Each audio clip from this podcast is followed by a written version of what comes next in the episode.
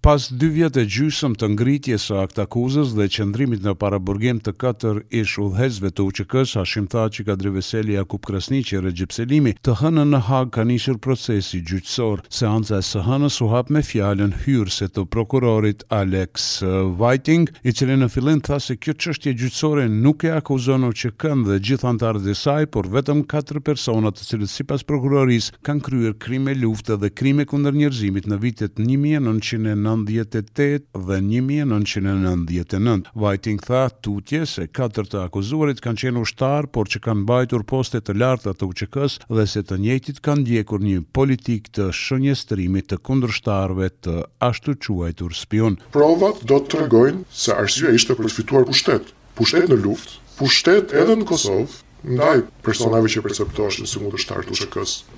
Mund t'i kenë kryer krimet edhe nga frika, nga frika se mos kauza e tyre do të zhbëhej apo minohej nga ata që i perceptonin si kundërshtarë. Pas leximit të aktakuzës së ndryshuar nga ana e zyrës, të akuzuarit Thaçi, Veseli, Selimi dhe Krasniqi u deklaruan të pafajshëm për veprat penale që u vihën në barrë. E kuptoj, unë plotësisht i pafajshëm. Tërësisht i pafajshëm. Jam i pafajshëm në të gjitha pikat e aktakuzës. Unë nuk kam asnjë lidhje me asnjërën nga pikat që i lexoi prokurorja.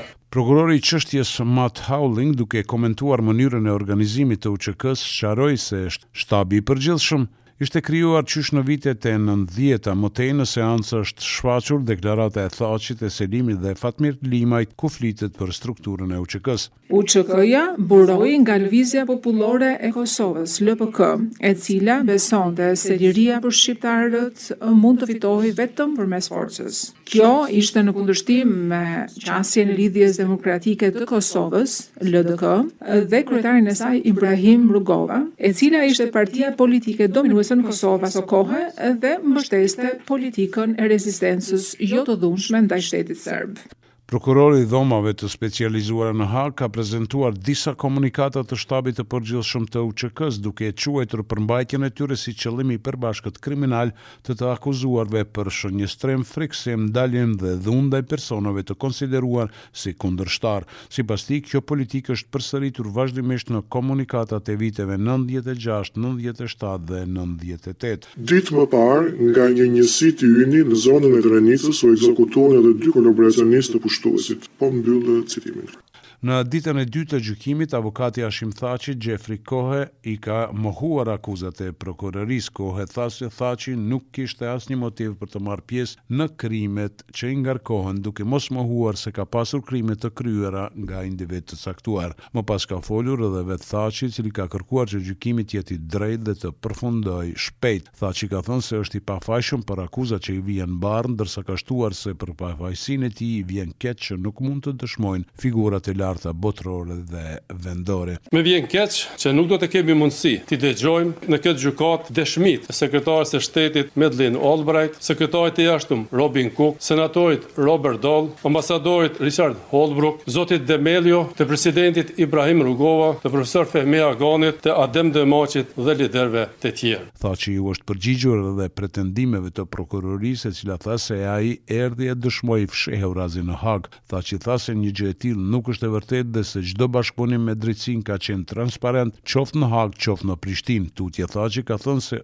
është i kënaqur që procesi ka dëshmuar se nuk ka pasur trafikim organesh nga UÇK-ja. Bota tani e di, sot, si rezultat i këtij procesi, se nuk kishte trafik organesh dhe se Shpia e Verdhë nuk kanë ekzistuar kurrë. Tani e dimë se edhe unë, edhe Ushtria Çlirimtare e Kosovës, edhe populli i Kosovës dhe gjithë shqiptarët jemi shfajësuar nga këto akuza. E vërteta është thënë dhe reja e zezë mbi Kosovën është hequr. Në orët e pasdites të së martës, para gjykatës është paraqitur mbrojtja e Kadri Veselit. Avokati Ben Emmerson ka thënë se Prokuroria në Speciale nuk e ka asnjë dëshmi që mund ta vërtetojë se Veseli ka qenë pjesë e ndonjë ndërmarrje kriminale. Ai ka thënë se kur Veseli ishte emëruar shef i Inteligjencës, ai ka qenë jashtë Kosovës dhe se në atë kohë punonte me shtetin e Shqipërisë dhe shtetet anëtare të NATO-s për të dëshmuar krimet e kryera nga serbët. Seanca ka vazhduar me fjalimin e Rexhep Selimit, i akuzuar për krime lufte nga Specialja. Ai ka thënë se nuk ka frikë nga drejtësia, por nga padrejtësia.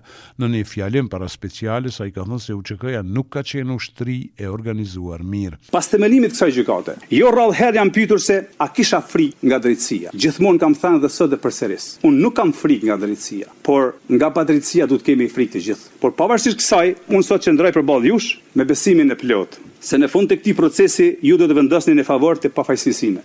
Tutje Selimi tha se nëse flasim për krime, atëherë le të flasim për ato krime që me të vërtetë kanë ndodhur, le të flasim për të gjitha masakrat, për atë të Mejës, Reçakut, Abrisë, Radoniqit, Izbicës, Krushës, Rezallës, Poklekut, Qyshkut, Makocit apo qindra masakrave të tjera ku janë vrarë fëmijë edhe në gjirin e nënës së tyre, u shpreh Selimi. Në ditën e tretë, të mërkurën, mbajti fjalën hyrëse pa betim Jakup Krasniqi, i cili tha se është absurde të akuzohet për persekutim të anëtarëve të LDK-së, kur vetë ishte anëtar i saj. Vetëm një mendje të çoroditur mund të ketë lindur ideja se unë kam mundur të jam pjesë e persekutimit tim të familjarëve të mi. dhe bashkëkombëtarëve dhe bashkëluftëtarëve të mi. Krasniqi tha se si zëdhënës i UÇK-së roli i tij ishte që ta paraqesë si strukturë të mirëorganizuar, por sipas tij kjo duhet parë si propagandë për të afirmuar luftën çlirimtare të UÇK-së. Në rolin tim si zëdhënës i UÇK-së jam përpjekur të krijoj përshtypje se jemi një strukturë e organizuar mirë, sepse kjo ishte mënyra e vetme për të mbajtur gjallë shpresat për një rezistencë të mirëfilltë, Ndryshe, sipas kalendarit të Dhomave të Specializuara, seanca e radhës pritet të mbahet më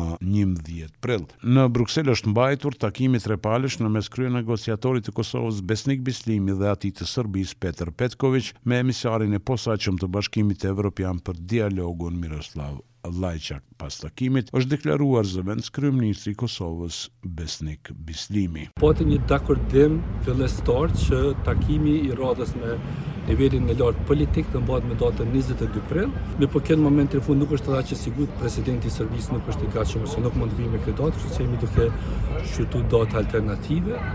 Ideja është që me këtë datë të prezantohet një draft fillestar i grupit të menaxhmentit. Përndryshe përveç kësaj kemi diskutuar edhe temat aktuale, siç është ajo e energjisë, çështjen e targave se si po ecën implementimi, ku kemi diskutu për mënyrën se si duhet të sekuencohen hapat e tjerë që janë pjesë e marrëveshjes bazike, puna e marrëveshjes për të pagjeturit, puna e njohjes reciproke të diplomave, mos obstruksionit të Serbisë në anëtarësimin e Kosovës në organizata ndërkombëtare dhe elemente tjera që kanë të bëjnë me marrëveshjen bazike. Agjencia e Kosovës për Inteligjencë ka informacione që në Rashkë të Sërbisë po zhvillohen stërvitje që kanë për qëllim destabilizimin e veriut të Kosovës, ka bërë të ditur Ganimete Musliu, kryetare e Komisionit për Mbikëqyrjen e AKI-së. Musliu tha se informacionin e ka dhënë drejtori i AKI-së, Petrit Ajeti gjatë raportimit në këtë komision. Për Radion SBS, Mendu Hysa, Prishtinë.